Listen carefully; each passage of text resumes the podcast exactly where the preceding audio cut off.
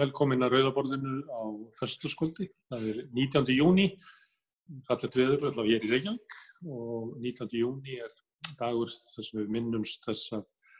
að í ár eru 105 ár liðin síðan samþýtt var að, veita konungkostningarétt og kannski sem er ekki síður mikilvægt skref að, að veita eignalösum körlum eh, kostningarétt. Ef það hefði ekki verið gett í leiðinni þá hefðu,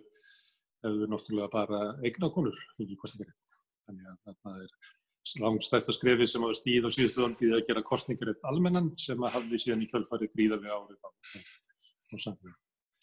Til þess að ræða um líðræðisvettvangin kostningarétt, hvern frelsis baróttu og kannski baróttu annara kúar og hópa eru komanar að rauðaborðinu góðar konur. Það er Margret Valdimarsdóttir sem er, er félagsfræðingur, lektor við háskólan á Akureyri, eða ekki? Jú.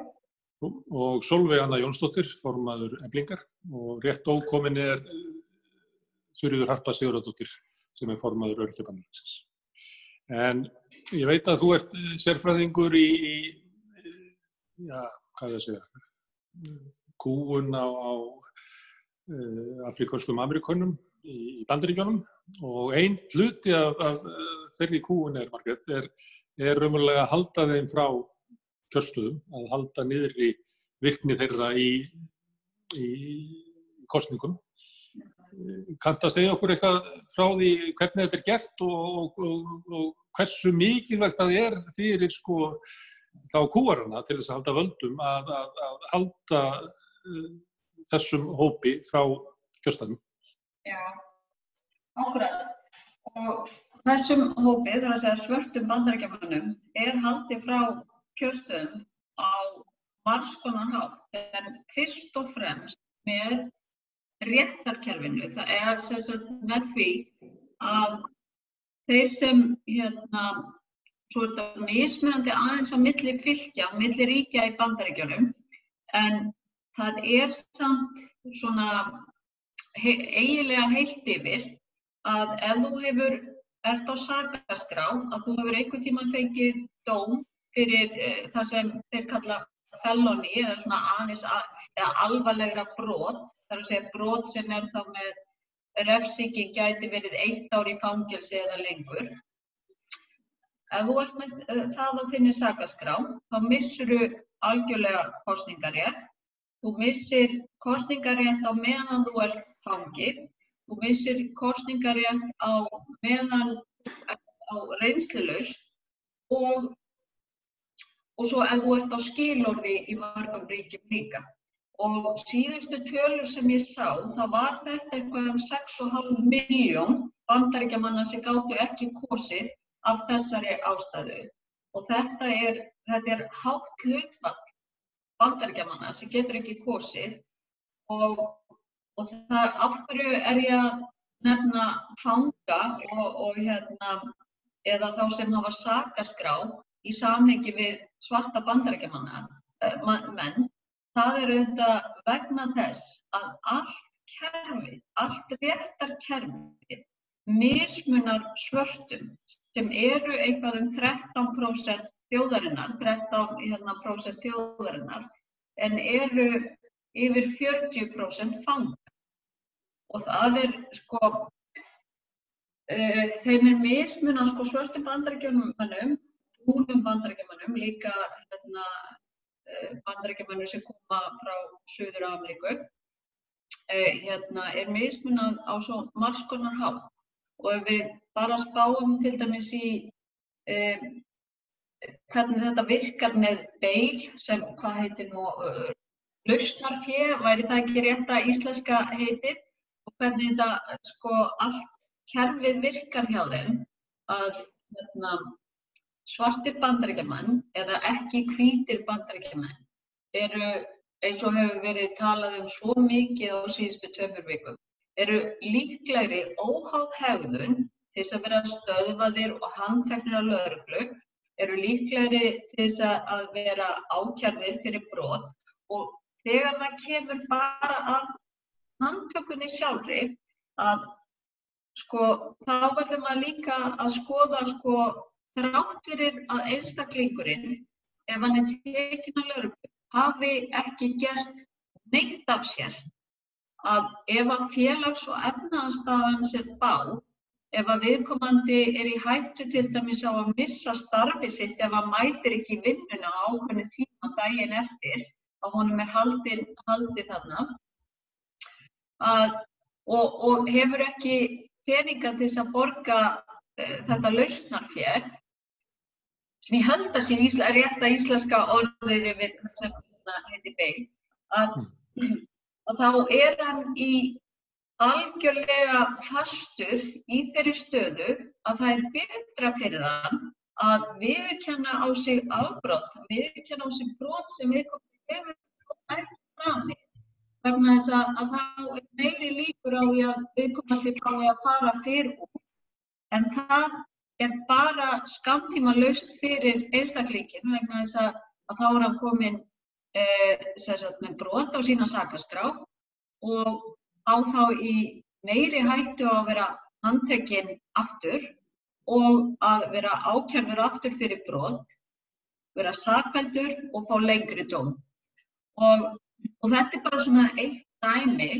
hvernig svörtum er mismunað í réttakerfinni og ekki, ekki bara svörtum, fólki sem býr við báar félags- og efnaðarstöðu.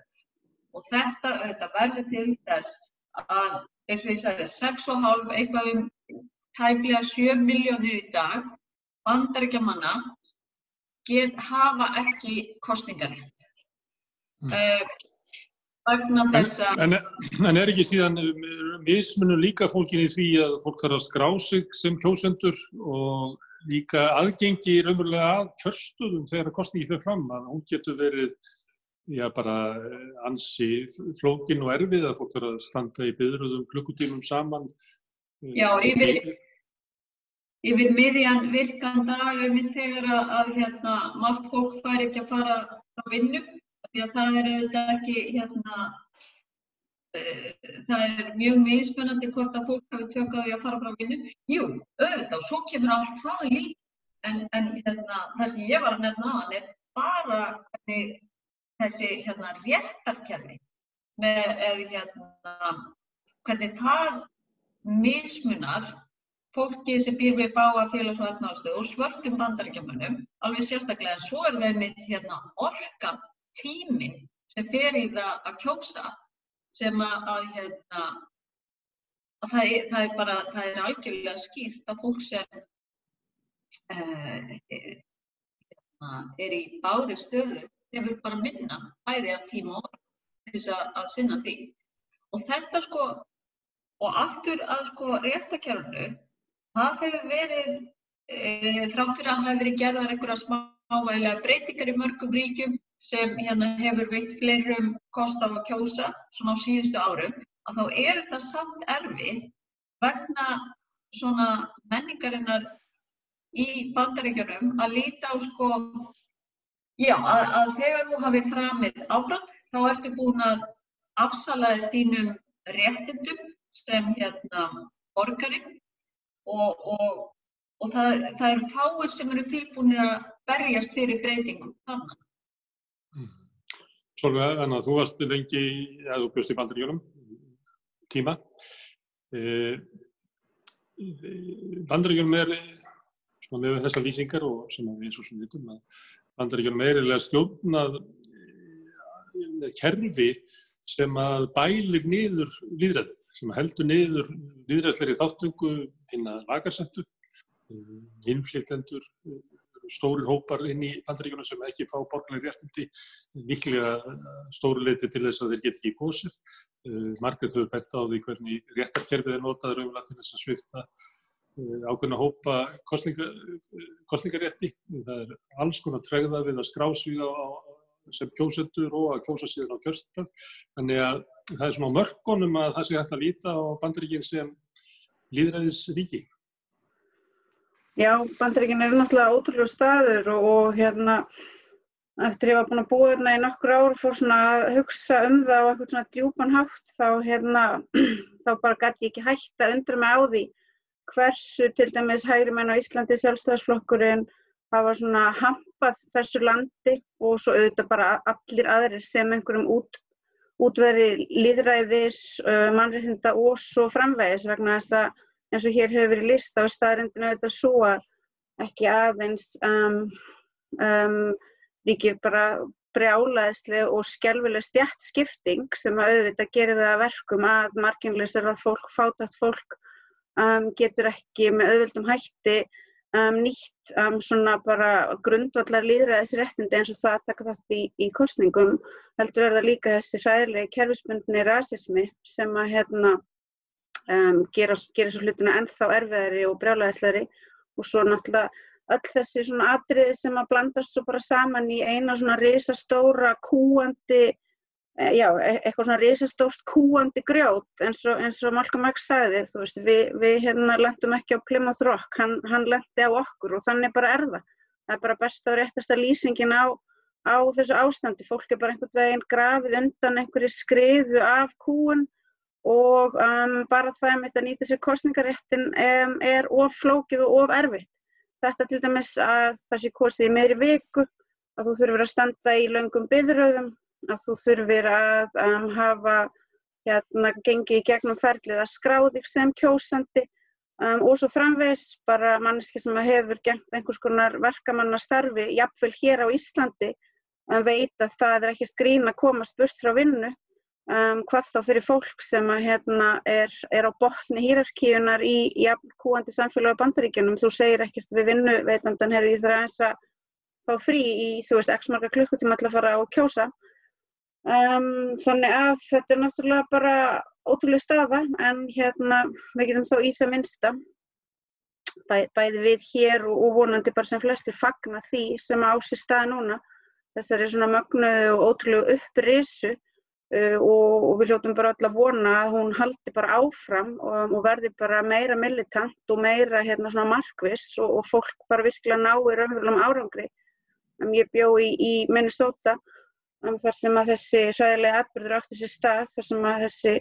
þessi, hérna, þessi visslings maður var myrktur á þennan skjálfulega og óbærilega hátt og þetta fylki er að mörguleiti ótrúlega góður staður. En hann, hann er það, ef þú ert hvít manneskja, sérstaklega ef þú ert hvít norren manneskja, þá gengur þú bara inn í eitthvað svona fyrirfram hérna tilbúið forréttindakerf og þú þurft aldrei að pæla neitt í því.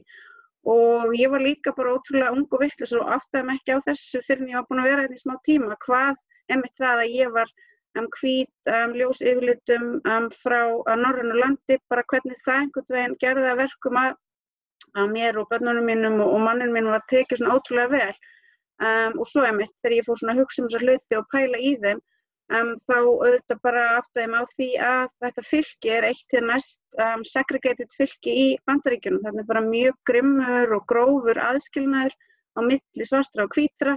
Um, uh, þú veist, í, í, í, það lítið af blöndun í hverfum, það lítið af blöndun í skólakerfum, það hefur verið farið í þessar lausnir að vera svona bössa fólk börn á milli sko.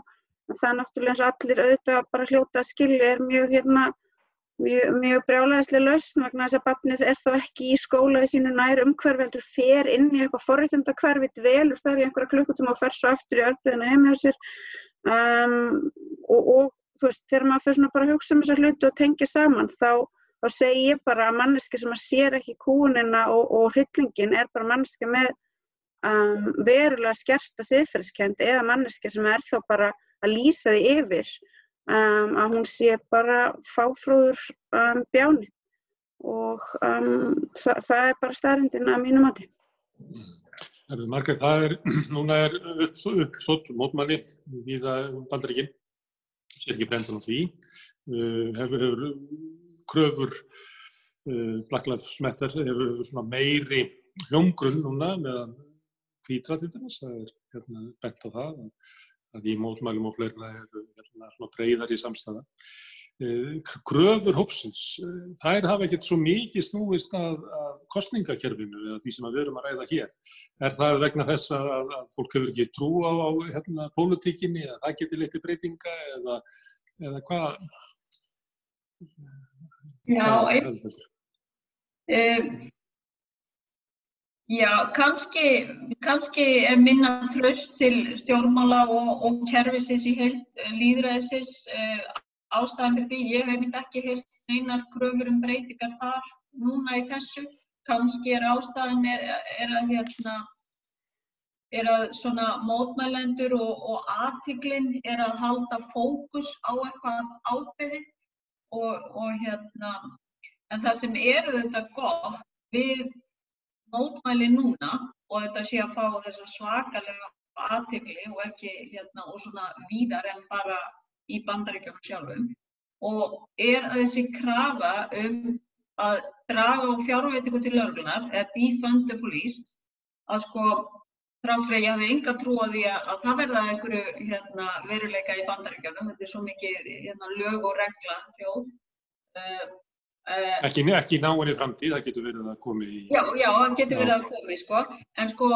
það sem er gott við þessa kröfu er einmitt að, að benda á að það þurfi að auka fjárveitingar til annara, heilbriðstarfsfólks, sérstaklega geðheilbriðstarfsfólks það, að það að auka til dæmis fjárveitingar til mentakerfisins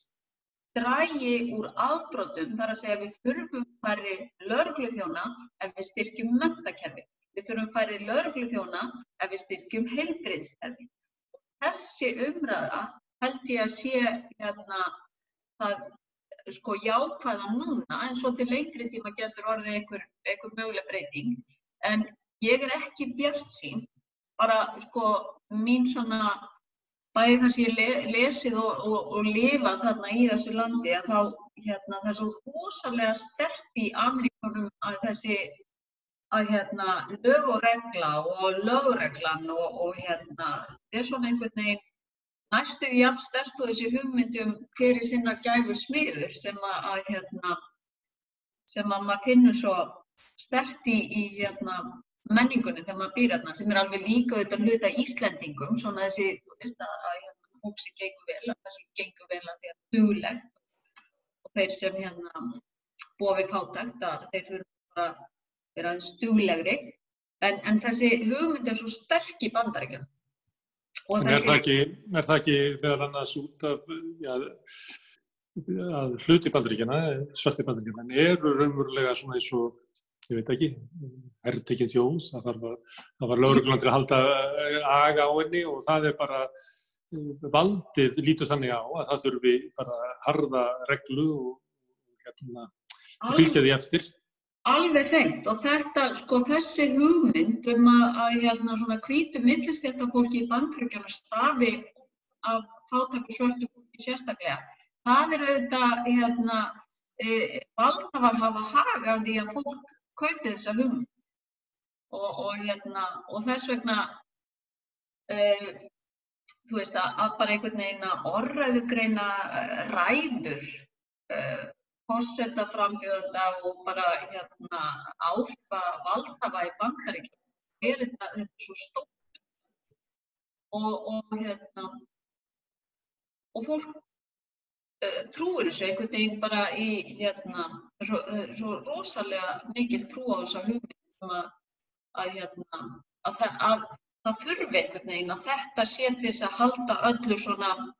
þannig að það ef að, ef hérna, lauruglufjónum fækki eða lauruglunar missi hérna, vopnin sín eða einhvern veginn þá, þá fari allt til þessu. Og þetta var hluti, svona, þetta var hluti af ja, þriðjuleiðinni Clinton og Blair, þeir sögðust vera tough on crime, sem að í bandaríkjónum þýðir það raunverulega að þú ætlir að halda svartamanninu niðri það þýðir bara það og náttúrulega Bill Clinton hann setti þarna regluna um þriðja brot verið æfilega fangilsi. Hann eh, fór umvel að lengra í því að brjóta niður félagslega kerfið heldur en hann Rekan hafði gert með því að fólk þurftur um að sanna að, að það ætti rétt á mótum eða það ætti það skilið að það væri ekki glæbamenn til þess að geta fengið félagslega bætur. Þannig að, að, sömulegði þá gekk vinstrið svona í kringum 1990 upp úr því algjörlega inn á þessa kúnastefnu hægrisins skafst upp fyrir henni og gekk í lit til Ísland. -hmm. mm. Þetta er náttúrulega, þetta svona trajektori er bara mjög, mjög hérna, bara ótrúlegt að, að, að svona veltaði fyrir svo að sjá það og, og svo verði ég bara að fá að segja kannski að svona sem part af þessu samtali um til dæmis það hvers vegna um, svona krafan um einhvern veginn svona úrbætur í kostningakerfinu sem er sannarlega auðvitað mjög mikilvæg krafa og verður að eiga sér stað hvers vegna svo krafa er kannski ekki ofarlega núna er náttúrulega svo að um, árið 2020 þá held ég að ungt fólk í bandaríkjunum, ungt svart fólk og ungt svona marginlisirað fólk og ungt fólk af hérna um, af svona verka, verka og láleina stjættum, það horfir náttúrulega bara á það sem að gerst hefur einmitt á síðustu árum og áratugum og það, það horfir á það að taka þátt í einhverju svona líðræðislegum kostningum og sér að þar er náttúrulega engar lausnir að finna. Um, auðvitað hefur eitthvað þessu fólki vantarlega bundið miklu að vonu við það að Bernie Sanders og þá mögulega Alessandri Ocasio-Cortez gætu um, hlotið hérna tilnefningu og, og tekið einhvern veginn þennan slag á, á næsta stað en ég meina um, Barack Obama var fórseti og fólk náttúrulega bætt stórkoslegar vonir við hann og um, ég skil það svo ótrúlega vel að, að svarti bandaríkjumenn hafi bundið miklar vonir við það og ég gerði það sjálf. Og ég stóði í fimm klukkutíma röð til þess að vera viðstött um atbyrðin þar sem að hann tóku tilnefningu demokrataflokksins ekki vegna þess að ég triði því að einhvern veginn allt er þið gott heldur vegna þess að um, mér fannst þetta að séu svo stórkoslega merkileg stund í bandarískri sögu. Og hún var mjög hérna, þetta var mjög hérna svona tilfinningaþrungin stund og að vera í þessari röð, þessari fimm klukkutíma löngu röð með, með hérna börnunum mínum þar sem að bókstaflega og sást sko allar tegundir af mannesku sem að hérna um, til eru undir, undir hérna undir þessum himni sem við deilum hérna saman, þetta var ótrúlegt og, og svo bara gerist það að um, þar sem að fólk er að vona að eigi sér stað bara á sér ekki stað og ef þið hefði hort á myndin eftir Michael Moore um, Fahrenheit 11.9 þar sem hann gerir upp um, uh, svona aðdraðandana því að Donald Trump er hvað sem fórsetið meðal annars þá er senan þar sem Barack Obama kemur til Flint í Michigan um, eins og bara hræðilegst þar sem ég hef bara nokkur sinni séð. Hún er satt best að segja óbærileg þar sem hann kemur og fólkið um, sem hefur sérst að þóla það þessi búið að eitra drikkjarvatni þeirra en þessi búið að eitra fyrir þeim og börnunum þeirra býður eftir honum sem bjargvætti og hann, hann kemur, drekkur vatn, gerir lítið úr öllu og þau eru algjörlega böguð og brotin þegar hann fer. Og það, því ég horfði á þess að sinna þá hugsaði ég mig, þetta er eitthvað svona hápunktur eitthvað svona þessar svona con artistry sem að um, stjórnmál nýfjölsíkinar eru um, ekki einu svona þessari, þessari stundu. Um, er hægt einhvern veginn að láta einhvern sannleika eða eitthvað réttleiti koma í gegn. Um, þannig að auðvitað, auðvitað þarf einhver, einhver kraftur að snúast um það að fólk geti nýtt sem líðræðislega rétt. En á þessari stundu held ég að tíma fólk sé betur varði það að berjast fyrir, um, fyrir öðrum hlutum, fyrir því að auðvitað fá að lifa frjálsundum því að vera hérna myrt af geðsjúkum og, og hérna glæp, glæpa sinnuðum um, satistum en svo líka fyrir því að fá bara að njóta efnagslegs um, líðræðis og réttlætis sem á endanum hlýtur auðvitað verða það mikilvægast að í hverju samfélagi. Og áður mér hefði lengra má ég samt segja, ég verða að byrjast afsökunar á því að hafa sagt geðsjúkum, bara um leið og ég sagði það þá sá ég hræðilega eftir því og, og en er þetta að breyta þessu nema að breyta stjórnvöldum? ég sko þarf þarf ekki svona krafturinn einhvern veginn að verða til hjá, hjá hinnum um, kúðu og jarð, jaðarsettu að þeir sjálfur og þau sjálf og við sjálf búum okkur til okkar eigin hreyfingu, okkar eigin stjórnmálaafl sem að raunverulega best þá fyrir okkar, um, okkar um, málum sem að hérna, við sjálf knýjum áfram og auðvitað hérna, auðvitað er gott að kjósa en þú þarfst þú að hafa eitthvað til þess að kjósa sem er ekki bara það þessi svona gamla einhvern veginn mýta þú verður að nýta kostningaréttinu því að annars ég er alveg ekki þess þú verður að mæta og kjósa því annars fær sjálfstæðisflokkurinn atkvæðið um, en við verðum auðvitað að hafa eitthvað meira en það veist til þess að móbilisera fólk til þess að móbilisera und fólk Ég get ekki sagt við börnum mín, þú veist, verður að fara að kjósa út af því að börnum er svo mikið svín. Ég verður að bjóða þeim einhverja stærri og betri og merkilegri sín til þess að þau eru umverulega trúið í að það hefði einhverja áhrif. Um, held ég í það mesta. Mm, annars myndur þú hvetja börnum til að kjósa bætin því að hann væri skárum drömm. Já, við Þetta er ekki góðu kostur. Herðu þurfið hrapa, velkomin til okkar. Hérna, ég ætla að nota tækifærið og skipta bara yfir í svona íslenska söguna að við sittum hérna á 19. júni og það er 105 ár síðan að samtitt var að konur fengju að kjósa og eignalösi karlar. Fólk sem er þá eldri en færtugt átti að trappa það síðan niður hægt og rólega í 25 ára aldurinn en, en dönsku yfirvöld fannst það vera ómannuð, eða brotleg mannréttötu fólks og það var snögglega fært niður í 25 ár. Síðan hérna, maður veltaði fyrir sig, það tók 30 ára að berjast fyrir kostingarætti hvernig. Ég veit ekki eh, hversu stór hluti þeirri baróttu verður það að eignar þessi karlar mingi og kjósa. En síðan liðu ansi, eftir svo mörg ár síðan þáka til að kona fór á þing, en það leiði mjög mörg, mörg, mörg ár þáka til að kona var hósin, eða var valin sem ráðurra, það var mjög langu tími þá til að kona var hæstarættudómari og það, það að konur fengið að kjósa var ekki kannski svona sá vendipunktur sem að reiknaði hefði mátt með og það lætur mann hugsa svolítið um það að, að það eru kúaður hópar sem að lifa inn í svona stjórnmála umhverfinu sem við búum við sem að kannski þósluði með í kjósa þá hafa þeir ekki raunverulegt svona aðgengi af þeim. Ég veit ekki hvort ég er að spyrja þig að þessu, hvort að þú upplifir það með þína félaga í örkjabandaleginu hvort að, að, að þeir séu að móta samfélaginu atkvæðrétti sínum eða, eða hvort að þeir sem kannski bóðið upp á að velja á milli fólks sem að kannski er á vegum einhver annara. Þá ertu kannski að koma að því sem að Solveig Anna sagði áðan að um, það er ekki nóg að hafa kostningar eftir að þú hefur ekki til að kjósa. Þetta ekki meina það þá. Jú, og valmöguleikarnir eru kannski ekki físilegir. En ég vildi nú svona byrja á að minna á að bara að því að þetta er 19. júni og, og hérna við erum að tala um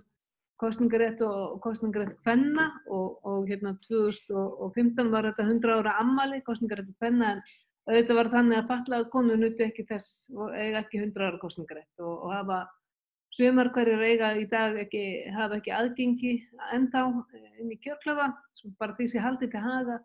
og ég held að til þess að var þetta þroska hamla fólk eða, eða fólk sem er um, geð,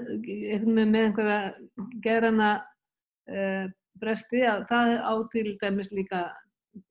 eða ekki, það getur nýtt sér kostningarétt sinn. Það er ekki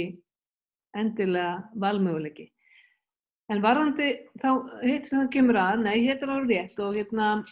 það, þetta getur verið vandarsamt fyrir okkur að, að við erum að reyna auðvitað hérna að reyna að kjósa yfir okkur eh, þá stjórn sem að við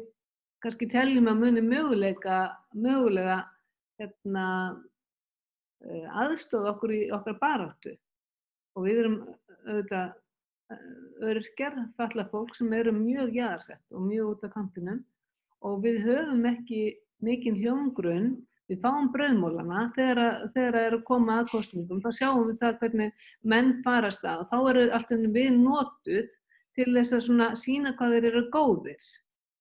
Og síðan alltaf glepjust við inn á kannski hugsalega að hérna, uh, velja okkur eða að kjósa þann aðila sem hefur ötulegast hérna, verið málsvari á sínum kostninga betri eða í svona kostningabartu fyrir málum fallast fólks og verðum svo yðurlega fyrir gríðalega mombriðum þegar að lofvorðinn og, og, og, allur þessi baróttin móður sem maður var upplifið fyrir kostningar að hann hverður opaslega fljótt og lítið verður um emdir. Þannig að nei, við höfum lítið valmöguleika og hérna og það er ekki margir inn á þingi sem að og engin eða ekki margir í, í hérna, stjórn sem við sáum að sé raunverulega að, að eh, reyna að lifta okkar hópi og við erum svo sannlega hérna, okkur er svo sannlega mismuna í þessu samfélagi. Og að því að vera að tala um hérna, til svarta, við getum kannski ekki sett samansammerkja millir bara til fatlarsfólks og, og, og til svartsfólks en við getum samt samsama okkur bara þar sem við erum stöðut að benda á óreittlætið og mismununa að samfélaginu og en, en þú veist það, það er að sama grunni má segja. Þannig að við upplifum það að vera algjörlega sett út, út á kantin nema þegar að hérna, stjórnundum hendar að reyna að ætla að hampa sjálfum sér. En, en þess á milli þá eigum við bara helst að sækja til þeirra aldrei með réttind í huga heldur alltaf að byggja um ölmus og reyna að fá þau til að gefa okkur smá, smá réttindi smá hækkun og örgulífiri bara eitthvað þannig að við getum hugsalega að lifa það en annars meðum við bara bara vera einhvers þar þess að það sjá okkur ekki. Eins og þið séu þess að hópur sem að eh, hefur ekki völd, heldur er eiginlega háður því að þeir sem hafi völd eh, veit ykkur eitthvað. Þið er ekki raunverulega hluti af samfélaginu, heldur er þið hluti af samfélaginu sem svona eh, mengi inn í samfélaginu. Það er ekki alveg með í samfélaginu. Nei, það er hægt að nýta okkur þegar það kemur á svona kostningum, þá er hægt að nýta okkur En til dæmis varðandi það að við höfum einhver réttindi eins og það geta samið um okkar hérna, framfærslu eða, veist, eða samið um svona lámars framfærslu eða við getum borgað, hérna, haft, haft mat og, og, og heimili og svona, í okkur á, að það er í raun og veru ekkert sem að, sem að engir nútar eða ekkert sem að þegar sem að ríkið verður að stíga inn og semja við okkur. Þeir hafa aldrei sko það er ekki svo við tökum upp samninga á ákveðnum árabili. Það er, það er bara ekki, við erum algjörlega undir það sett, undir stjórnfálsett að við séum góð, rýfum ekki kæft og séum ekki til sko, leiðinda. Því ef við erum ekki þægilegt, að þá, sko, þá fáum við ekki áhverð, þá er ekki áhuga hlusta og þá fáum við ekki eins og bröðmólana. Þannig að þetta er bara svona, þetta er svona kúun sem ég upplifi. 1915, uh, árið síðar, þá var allþjóðsabbatið stopnað og þar með allþjóðu flokkurinn. Þannig að það má svo strax merki þess að svona allþjóðan er að, koma til leiks í, í stjórnmálunum. Framsona flokkurinn var stopnaður setna sama ár. Síðan kom, kom, kom kvennaframbúð, konur hérna, náðu inn í, í bæjarstjórn Reykjavíkur og inn á þing. Og hafnafjörðar, en síðan eiginlega fjara konunnar aftur út úr stjórnmálunum. En uh, alþýðu stjórnmálinn raunverulega breyta uh, pólitíknu í Íslandi. Að borgarastjættastjórnmálinn sem að voru til áður að þau eiginlega bara leysast upp og borgarastjættin næri ekki aftur svona innkomu inn í stjórnmál uh, fyrir með stofnum sjálfstæðarflokksins sem er eiginlega svona endurskipulægning hérna borgarastjættinnar í stjórnmálunum sem hafði verið breytt. Eh, þannig að, að aukinn kostningaréttur þannig að hafði gríðarlega árið eh, í, í stjórnmál allavega karlana. Konundar koma og svo faraður einhvern veginn svona tilbaka. Eh, síðan að þetta gerist að þá hafa verið litlar breytingar á hérna, hverju það var kostningarétt. Það var lækkað á 25 ári neyri 21, 34, neyri 20 ár 1978 og neyri 18 ár 1984 og þar með er upptalið. Síðan hefur margt breyst á Íslandi, til dæmis er núna stór hópur innflytjanda sem að borgar hér skatta en hefur ekki kostningarétt. Og þetta er um 50.000 manns sem að borga skatta til hérna, samfélagsins en fær ekki að hljósa. Nefn að geta kostið í sveitastóðum við minnir það sem hefur haft fasta búsettu í sama sveitafélagin í fimm ár. Eh, hvað þið hafið eiginlega tala svolítið þannig að það að fá að kjósa breyti kannski tildulega litlu og það sé kannski ekki krafa. En mér langar til að spyrja því, er komið tími til þess að reyna að endur nýja uh, þetta líðræðiskerfi með aukinni hérna, auknum kostningarétti til dæmis til innflytjanda eða til barna? Hvað séu þú um það, Margret?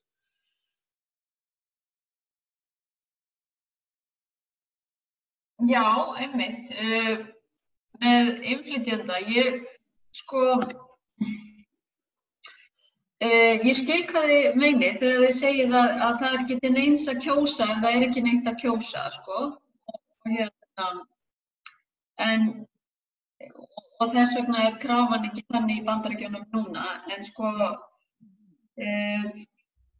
ég held að, að hérna, ef það eru gerða breytingar á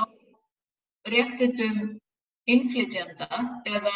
eh, erlendra ríkisborgara sem búa á Íslandi, búa á starfa á Íslandi, að mögulega gætu orðið einhvers konar breytingar. Ég er kannski óbjart sín, ég veit það ekki. og, en ég held að það sé ekkert vittlust og ég held að það sé eitthvað sem væri áhugavert að ræða frekar. Ég hef ekki mikið, sko, ég hef ekki mikið spáð í því fyrir, fyrir núna, sko, en ég held að það, hérna, það var, ég held að þetta sé áhugavert samtal. En hvað var þar eh, börn, þá er það eh, annað sem að, hérna,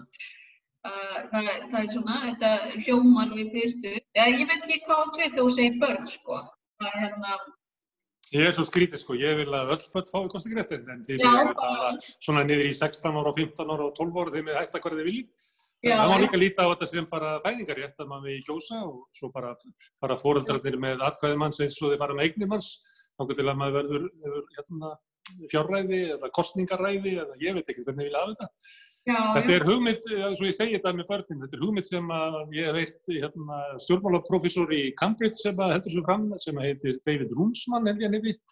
og, og hans hugmynd er meðal annars þú að því að hann átt að sig, eða hefur fjallað um þessa líðræðissprengingu sem verður snemma á 20. öldinni og hann segir sér svo að þarna hafi stjórnmáli verið neitt til þess að horfast, í, í,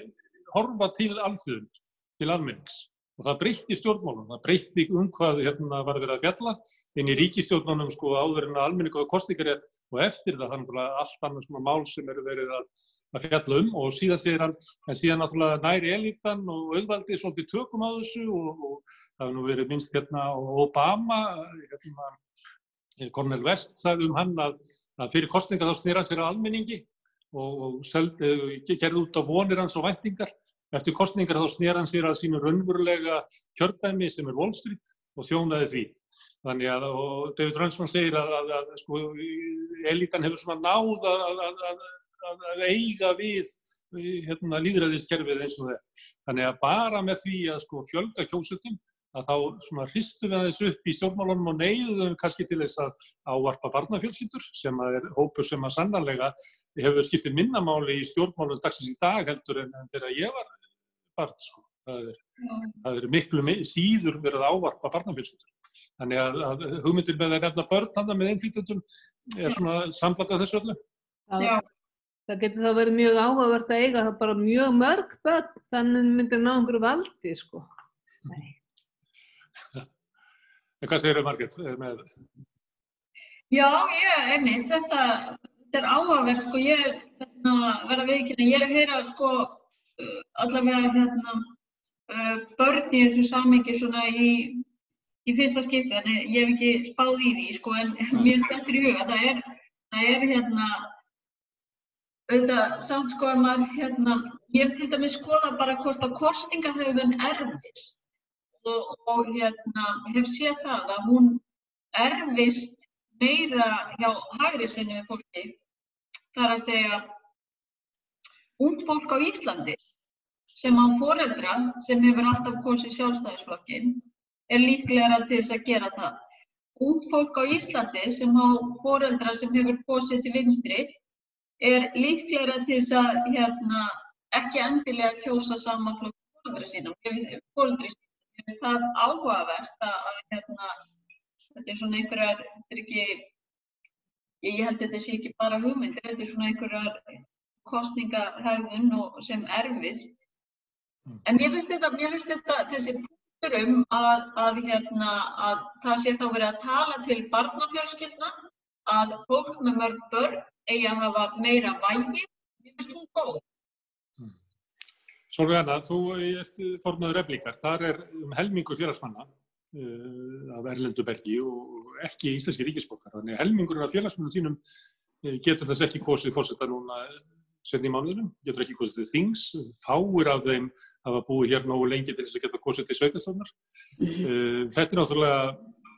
ég meina ef maður myndi segja við eitthvað sko 1960 að árið 2020 væri það þannig að, að helmingurinn af vekkalíðinum hefði ekki kostingar. Já, fólk er því bara alveg gátt, sko. Fólk er því gátt, sko. Þú þurftir þá í leiðin að útskýra fyrir fólki hérna alþjóðavæðinguna og, og það að hérna, samfélög hafa verið tætt í sundur og vinnandi fólki hefur bara verið kastað upp í loft og svo lendir það bara einhver staðar þar sem vinnuna er að, finna og svo hérna uh, ljúa frjálslindir stjórnmálamenn því að okkur og sjálfum sér að hérna, þetta sé bara fólk sé eldast við lálunastörf út um alla krissur vegna þess að hérna, það, það njóti svo mikils frelsis.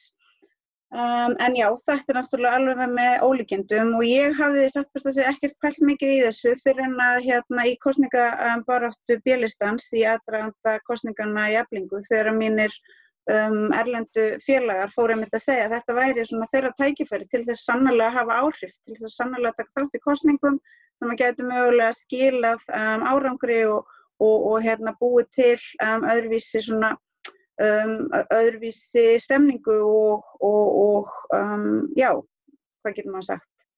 Um, gefið þeim raunveruleg völd til þess að hafa eitthvað um eigið líf og, og tilveru að segja Um, þannig að ég náttúrulega er bara gríðarlega hlind því af mörgum ástæðum um, að, um, að uh, mínir erlendu félagar og, og uh, erlend verkafólk hér á landi hafi bara mjög ríkulegan og mikinn aðgang að líðræðiskerfinu. Þetta er fólk sem að, hérna, leggur sannarlega til samfélagsins mjög verulega en hérna, hefur samt ekki aðgang að því að móta um það hvernig samfélaginu er stýrt og það er náttúrulega auðvitað bara algjörlega, algjörlega fráleitt staða. Um, við náttúrulega í eblingu höfum verið að um, takast á við það að svona hérna, hvað getur við sagt, líðræðisvæða félagi því að við eins og svo sem margóft hefur um, komið fram en ég þreytist ekki á að tala um við tökum við félagi sem að er á þeim stað að þrátt fyrir að meirinn helmingu félagsmanna sé af erlendum uppruna hefur lítið sem ekkert gert til þess að gera þessu fólki kleift að taka sannlega þátt í störum félagsins. Þannig að við núna erum með stóran um, hóp um, sem að starfa á skrifstun sem talar hinn ymsu tungumál og getur þá liðsind fólki sem að þanga kemur.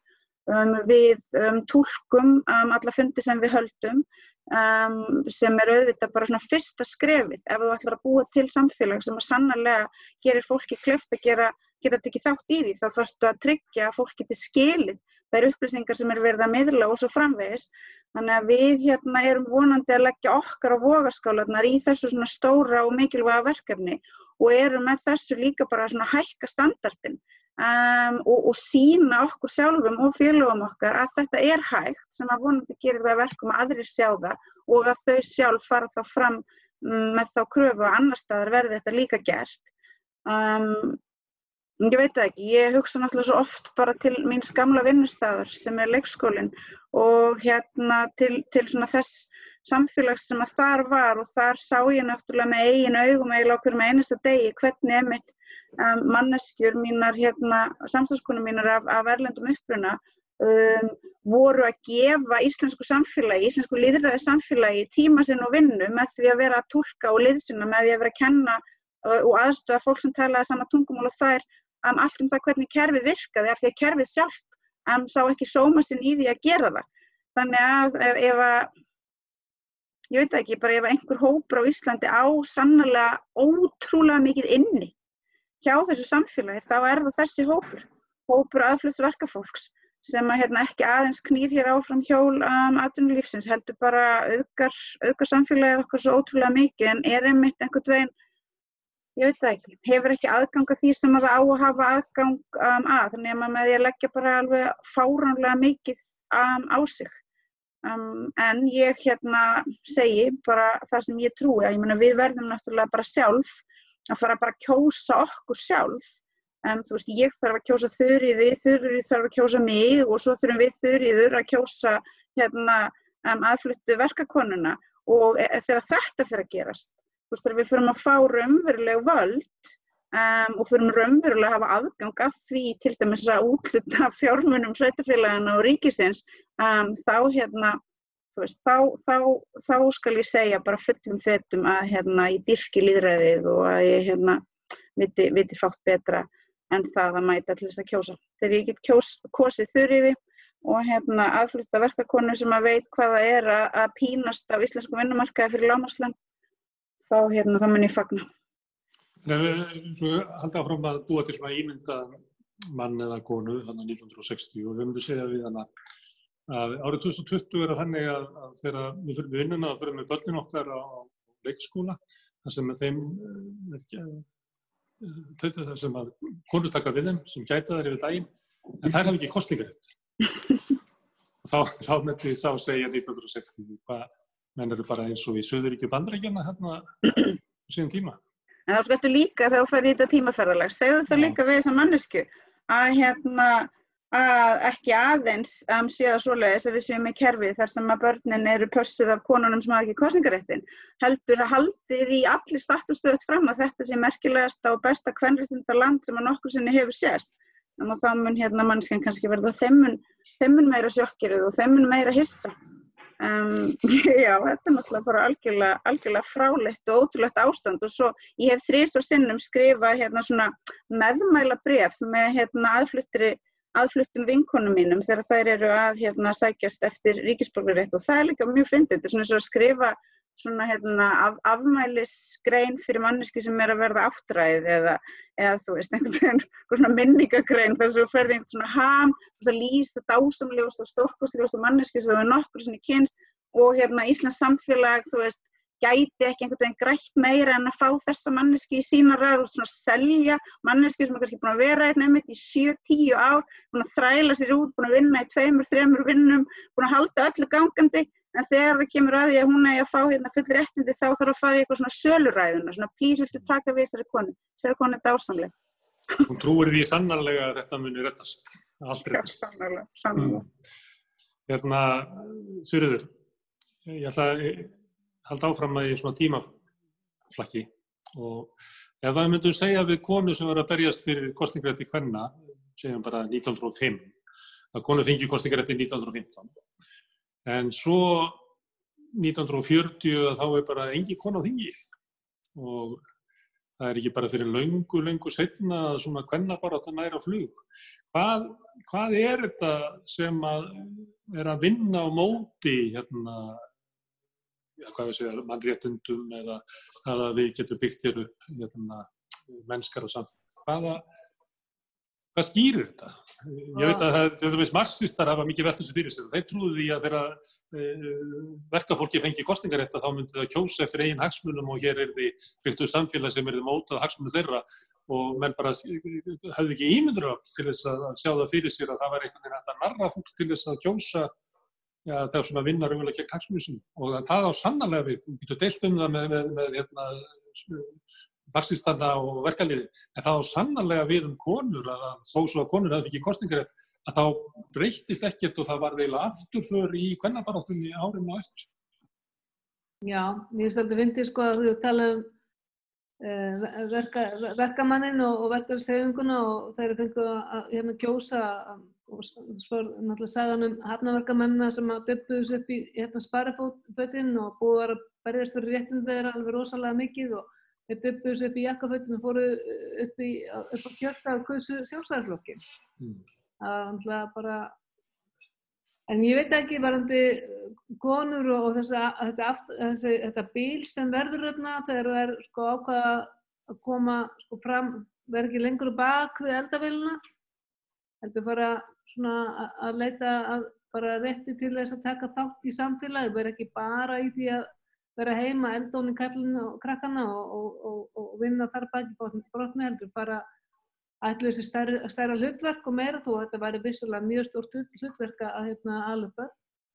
að þá veit ég bara, ég hef svo sem ekki sérstaklega mikið velti fyrir mig hvað gerðist á þessu tímabili en það hérna, er, fært lungu eftir þann tíma.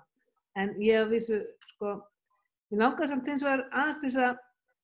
snúa þessar tímavél að bara því sem hún sagði hérna áðan hún, hvað Margaret hún var að tala um að vera eigin gæfi smiður, hún var að tala um að þetta veri eh, svona hvernig var litið til svartra í bandaríkjunum að, þetta var bara, þetta var ekki, þetta var eiginlega bara, þeir var ekki nóg duglegir og, og þetta var að sama og við erum að horfa hérna á Íslandi. Og þetta er nákvæmlega sem að maður er alltaf að berjast við að hérna e, þessi fordómar og það er kannski það sem að, þú veist, ég tengt við hérna, þetta var bara aldrei fordómar hjá fólki og kannski fordómar hjá konunum sjálfum uh, gagvart konum sem að ákveða að fara fram og, og einhvern veginn hugsanlega, þú veist, að, að, að, já, ég veit ekki, ég get ekki skýrt þetta, en allavega eins, eins og ég upplifi í dag að þá erum við svo rosalega mikið á kafifórtumum og, og eins og falla fólk að það á bara að vera duglegra og ef það getur, sko, að það skul ekki fara að vinna ef það hefur einhver vinnu getu og það er aldrei litið til þess að því er ekki sköpu skilir þessum einstaklingum, fallið fólk er ekki sköpu skilir til þess að komast út á vinnumarkaðin til þess að raunverulega fá launin í vasan sem að það er að vinna fyrir, heldur er, byrjar á því að borga því alltaf inn á, hérna, inn á vinnumarkaðin eða borga til ríkisins, Vistu, núna er þetta, ég, nú, núna er það um sko skerringarnar og, og, og falla fólk sem er í vinnu í dag til dæmis, að það getur ekki nýtt sér eða ef það fær hækkanur á launin sín, eins og bara kæra samlingsbundnar hækkanir og er, er í hlutastarfi, að þá, þá lendur það í þeirri stöðu í dag, þá þarf að mikka við sig uh, starfslutvall til þess að fara ekki yfir ákveðin mörg í tekjum. Þannig að það hefur ekki möguleika á að hækka sig og, og hérna, það að vera sem eigin gæðusmiður á Íslandi, þetta er alveg brjálaðislega fordómafullt vegna þess að þetta fólk og örgulega líka bara innbytjendur og, og, og fleiri svona jáðarsettir hópar, þeir hafa ekki þessi völd til þess að vera sín eigin gæfu smið, ekkert endilega og hérna, eða tækifærið. Þeim eru bara ekki, þeir bara fá ekki að hafa tækifæri. Það er bara passað upp á að tækifærin sé ekki fyrir hendi en það sé samt alltaf að þetta setja ábyrðina á hópana þeir eru ekki nóg duglegir, þeir eru ekki nóg þetta, þeir eru ekki nóg hitt. En um leið er slegið að hendurnar á fólki þegar reynir að berga sér. Að... Kannski er þetta hinn hliðin á, á þeirri trú sem að haldið á okkur að, að hinn ríku séu rík fyrir eigin verleika og ef við trúum því að þá meðust við til að trúa því að þeir fátöku séu þá fá, fátök vegna skorts á verleikum og þau eigið að Já, hvað heldur þetta sé? Hvað heldur þetta sé? Það er bara verið að búa til ákvæmna hugmyndafræði og, og e, mynd af já, til dæmis fátak fólki og fátak þess að fólki á Íslandi er, er falla fólk og það er vegna þess að það er eitthvað að því það er bara að svindla kerfinu, það er upp á gannísinu er það á örgubótum og ímislegt fleira að meðan því er samt ekki gefið neinn tækifæri til þess að í raun og veru að vera í starfi til dæmis bara tímabundið eða hluta úr degi nema að segja nefn helst að venda um vinnustæði eða eitthvað álga það hendur nú bara alls ekki öllum. Mm. Og sakar um að svindla á kerfinu þó að við vitum það að það verið gerð, það verið rannsóksvækir í Nóri sem að síndi fram á að hérna allra ríkustu stinga meðaltali einum þriðja tekið sínum undan skatti og þannig að það verið auðvitað að væri benti til þess að þetta bara setja skattrannsómi stjóran á bara alla sem að hafa aukast þar væri raunverulega mestu líkundur á því að það veriði framinn hérna, undarskott en þessi stað eru einhverju svona nappar og fleira á heimasíðu tryggingastofnuna til þess að fylgjast með um alla fátakastur. Nákvæmlega, það eru þessi eftirlýsstofnunar sem að í staðins að sko vera leiðbennandi, upplýsandi, eh, kannski pínu umvefjandi og hérna uh, passa upp á sko að fólk njóti réttinda sinna, þá er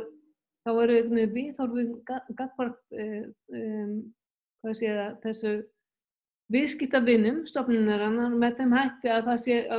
sko, alltaf verið að passa upp á það sem potið það sé ekki verið að sko, svindla. Þannig er tekið að móti fólki og þannig er þetta aldrei afgreitt. Og það er yfirlega ekki upplýsingar um réttindi sín eða, eða það er allavega mjög takmarkaðum háð og síðan er fólki bænt á að fara inn á mínar síður og það, það er getið að skoðað og veltst um í þessu brjálæðislega flokna apparati sem þetta kerfi er hérna hjá þér en, en, en, en í staðins að, að sko, það er ég er grein fyrir því að viðskiptavinnu stofnunarinnar er kannski einstaklingur sem hefði ekki heila blóðfall er, er kannski þroskahamlaður er kannski með alvarlegan geðsjúkdóm að það þarf að hérna, upplýsa og, og, og þau þurfa að vera með sko, taka utanum einstaklingin og, hérna, upplýsa frá fyrstu hendi bara ef ekki hans sjálfan, þá hans nánasta, hérna, hvað ég segja, hans sem hann velur sem sína aðstof. Þannig að það vantar gjörsamlega að, að fólk hafi einhvers sem að, þú veist, þegar þú lendir í einhverju að þú fáir að vita hvaða réttindi þú átt að njóta og að því sé fyllt eftir að þú njótir þeirra. Svolítið annað, þú ætlar að skjóta inn einhverju varandi erlendu konunar? Já, ég hérna bara myndi alltaf einu eftir því um, þegar ég fór að hugsa um þetta, þær sem, sem hérna svona einhvern veginn manneskjur sem að leggja svo gæðvegslega mikið til samfélagsins en eru samt hérna ekki með neinn liðræðislega réttindi og hversu algjörlega sjúkt og viðbjóðslegt það er um, að í morgun í frettablaðinu þá er einhver svona kálfur, eitthvað svona bleikt blað um, í tilöfni dagsins, ég veit ekki hvort ég skoði þetta, ég veit að það sumir hér hérna hleypa þessu blað ekki lengur inn á heimilisitt en ég fæ einhverja, einhverja ég, ég er eitthvað pervers og nýtt þess mjög að fletta í gegnum þau hverjum mjögstu degi. Um, en ég minnst að þetta er ótrúlegt. Þarna er þess að um, þrifa fyrirtæki eða restingafyrirtæki dagar með svona væntanlega kifta umfjöllun um, þar sem að því er líst eins fjálglega og hægt er að hugsa sér hversu dásamlegur vinnustöðar þetta er. En þess að þarna sé nú jafnleina vottun og, og stæðstu meiri hluti starfsmanni séu konur og þarna sé allt dásamlegt og frábær. Um, og það er ekki minnst emitt. Um, einu orði á þetta, þetta eru hérna aðfluttar lálunakonur sem vinna sko erfiðustu vinnuna sem hægt er að hugsa sér. Ég menna, þú veist, ég hef alveg prófað þegar ég var sem blöngust, þá tók ég stundum að mér að þrýfa í leikskólanum um, af því að fyrir það fekk ég einhverja smá þúsukallaði viðbót. Og þetta er bara svo vinna sem að, auðvitað, allir sem hafa þrýfið heim í þessir vita er, er svo erfiðasta. Það eru sendar út um allar trissur og fara á sko skriljón staði. Um, það er engin leið til dæmis fyrir okkur að hérna, kjósa trúnaðamannarna þó við séum með fjölda félagsmanna vegna það er bara mjög erfitt að fá aðgengja að þeim og þetta fyrirtæki hefur svo sannlega ekki aðstofað okkur í því. Og þetta er sko gamla ISS, þú veist IS, um, sem er hérna síðast þegar ég vissi í, í hérna eignam valdamestu auðvaldsættar Íslands. Og þarna hefur þetta fyrirtæki tækifæri til þess að koma og bara kaupa sér eitthvað svona pinkwashing í tilöfni þessa dags og, og hefur hérna tækifæri til þess að einhvern veginn að skreita sig hérna, hvað ég segja, stolnum vinnustundum þessara kvanna sem að fá ekkert í staðin og eru sko hérna, held ég, ég held sé að fara rétt með, eru sko, þú veist, í, í launaflokki samkvæmt en að samningum eflingar við samtöku aðtunulífsins, þú veist, það eru basic mánuðalaunin eitthvað svona 313.000 ég meina í alvöru talað sko. Um, þú veist, þetta er náttúrulega þannig að svona partur af mér náttúrulega bara hlær og svo hinn parturinn af mér bara grætur. Veist, þetta, þetta er óbærilegt og þetta er náttúrulega þessi staður sem við erum komin á. Allt er bara á því söluvar, allt er bara commodified, líka það sem að hérna, um, formæður okkar börðust fyrir um, emitt og við skulum ekki ímynda okkur það að það hafi verið eitthvað svona almennur konsensus um það að þetta er það að gerast. Þetta voru radikalar og baráttu fólk, konur sem að hérna, börðust bara upp á líf og dauða fyrir því að kostningarétturinn er því sannlega þeirra og þá okkar og nú er þetta bara orðið þannig. Þetta gengur einhvern veginn bara svona kaupum og sölum sem eitthvað svona hérna, eitthvað hérna, ég veit ekki, einhver gríma eða einhver farði sem er hægt að skella á sig í tilöfni dagsins svo að hérna, já, svo að valdamesta auðvald Íslands geti hérna haldið áfram að græða en einhvern veginn bak við eitthvað pótemkín tjald hérna hvernig er þetta? Því líkur sko, því lík skam. Margreit, mér lókar að enda í Ameríku með þér, þess að við byrjuðum. Ég pýndi þurfið hörpu til þess að reyna að svara því hvað var þess valdandi að loksist þegar konur fengu kostningaréttin að þá eiginlega kemur svona hóla í kvennabartunum eftir, það er 30 ára bara þá undan og svo kemur svona eins og hóla og það er ekki fyrir enn bara kynnslóðu eftir og tveimur kynnslóðum eftir sem að kvennabarta rýs aftur í, í svona, hvað segja, fyrir í kraft og hæðir. Sambarlegt gerist raunverulega með svarti bandaríkjum að þrælarni vinna stríðið en tapa friðnum Og þá kemur inn heimsbyggla spurning að því að við erum barndafólkur um alltaf að hugsa hvernig er þetta hérna, bæði vinna sigurinnum og aldanum. Hvað, hvað veldur þeirra svona, þetta er náttúrulega eina tveim glæsilugstur heimingum 19. aldar, hérna, barndan fyrir kostningrætti kvenna og, og gegn þrælahaldi, að, að þær eru eiginlega dauvar sko fyrir hluta síðustu aldar eða svona eftir 1920. Já, já, einmitt. Ég held að sé sko það að búa í samfélagi þar sem uh, þú ert uh, jáðarhúpur eða þess að þú hefur ekki sömur réttindi og aðrir, hefur áhrif á sjálfsmynd. Það hefur áhrif á hvaða væntingar þú berð til þín og annara í þinni stöðu, þín og annara kvenna. Uh, þú trúir auðvitað þessum hugmyndum sem eru ríkjandi í samfélaginu að þú sért á einhvern nátt ekki í sömu stöðu og, og eiginmaður þinn eða bróðir þinn eða og, og sko bara rannsókn eftir rannsókn sínir að hugmyndir um okkur sjálf sem við fáum samfélaginu sem við alveg öllust upp í hafa gríðarlega áhrif á bara uh, allt sem við gerum. Ég held að þetta sé hluta því hvort sem þetta á við konur eða, eða hérna aðra minni hluta hópa. Ef þú trúir þetta, já. Og það sé kannski þá sé það áriðandi fyrir hérna góðu hópa í dag að raunverulega byggja upp sterkar sjálfsmyndum stöðu sína, gera sér grein fyrir því að við lerum kannski að lifa meira og minna inn í veröld hinna, eina gúari sem eru sífælt að segja, segja okkur hverju við erum, að það sé þessi uppbygging sjálfsmyndar, uppbygging stjættarvitundar, uppbyggingar sko vitundar um að þú týlirir gúðum hópi sé líkillin að þið geta haldið þeim litlu sigrum sem að þú nærð. Alveg heitt, já. Er það frábært? Þetta skulum við hafa bara sem erindið inn í helgina. Það er hérna ákvæmlega fróðulegt að fá að sitta hérna og ræða við ykkur. Eh, Solveig Anna Jónsdóttir, Margret Valdimarsdóttir og Sögur Harpa Sigurðardóttir. Takk fyrir kærlega fyrir. Það er hérna mikil forréttið fyrir mig að fá að sitta hérna. Ég kalla til fólk hérna á hverjum degi og, og spjalla við það um þessa áhæfnu tíma sem við erum að lifa og ég er bara að sitja hér og læri og punta niður. Hérna, Þetta búið mér til minn eigin hérna,